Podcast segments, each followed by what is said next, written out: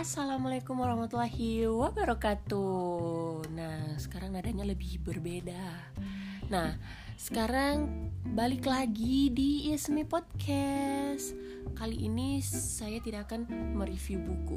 Kali ini saya akan mereview uh, bukan kali ini saya akan membahas review tentang bagaimana cara belajar bahasa baru yang efektif. Nah, yang pertama, kalian dapat mendaftar kelas bahasa uh, sesuai targetmu. Nah, menurut saya, gaya belajar setiap orang berbeda-beda dan tidak semua orang akan menyukainya. Uh, bahkan bagi sebagian orang, belajar di kelas sangat membosankan. Tapi tentunya bagi sebagian orang, cara yang satu ini benar-benar efektif. Dan yang kedua ada mempelajari grammar atau struktur bahasa. E, bagi banyak e, e, mereka yang dapat berbicara dalam banyak bahasa, grammar adalah sesuatu yang tidak perlu menjadi fokus utama kita. E, karena bahkan dalam bahasa sendiri saja yang lancar kita tuturkan belum tentu kita mengetahui role-role struktur bahasa kita sendiri. Yang perlu kita lakukan adalah dengan terus uh, mengubah sekeliling kita agar lebih dekat dengan bahasa target kita.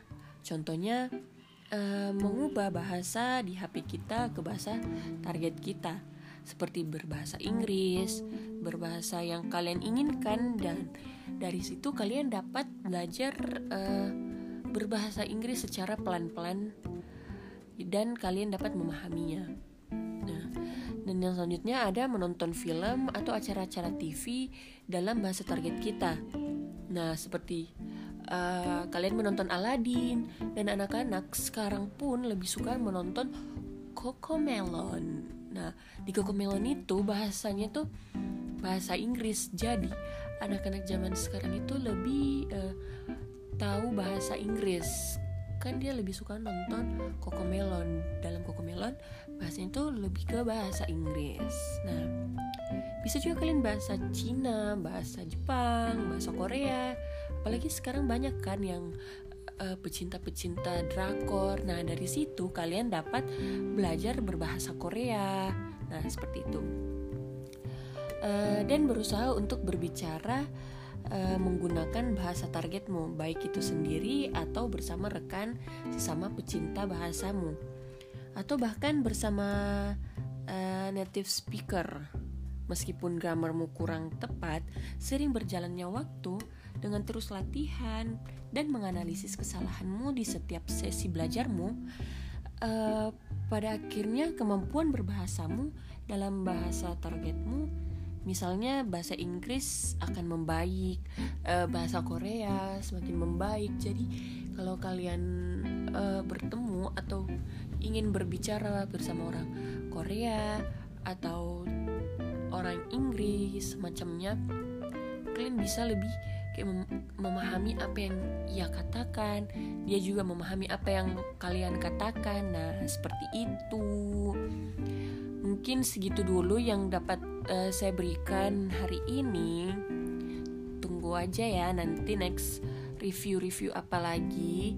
Ini sih episode kali ini lebih ke uh, cara belajar yang lebih efektif gitu. Selain belajar di kelas selain di luar sekolah di luar sekolah dan luar kelas pun kalian dapat belajar di mana pun. Entah di rumah dengan cara kalian menonton film uh, bermain game kalian juga dapat bermain game dengan kan biasa ada tuh uh, game online yang bertemu dengan orang-orang asing, orang luar negeri. Nah, semacam itu kalian dapat belajar seperti kalian kayak ajarin dong bahasa ini nanti aku bah aku ajarin bahasa Indonesia. Nah, gitu.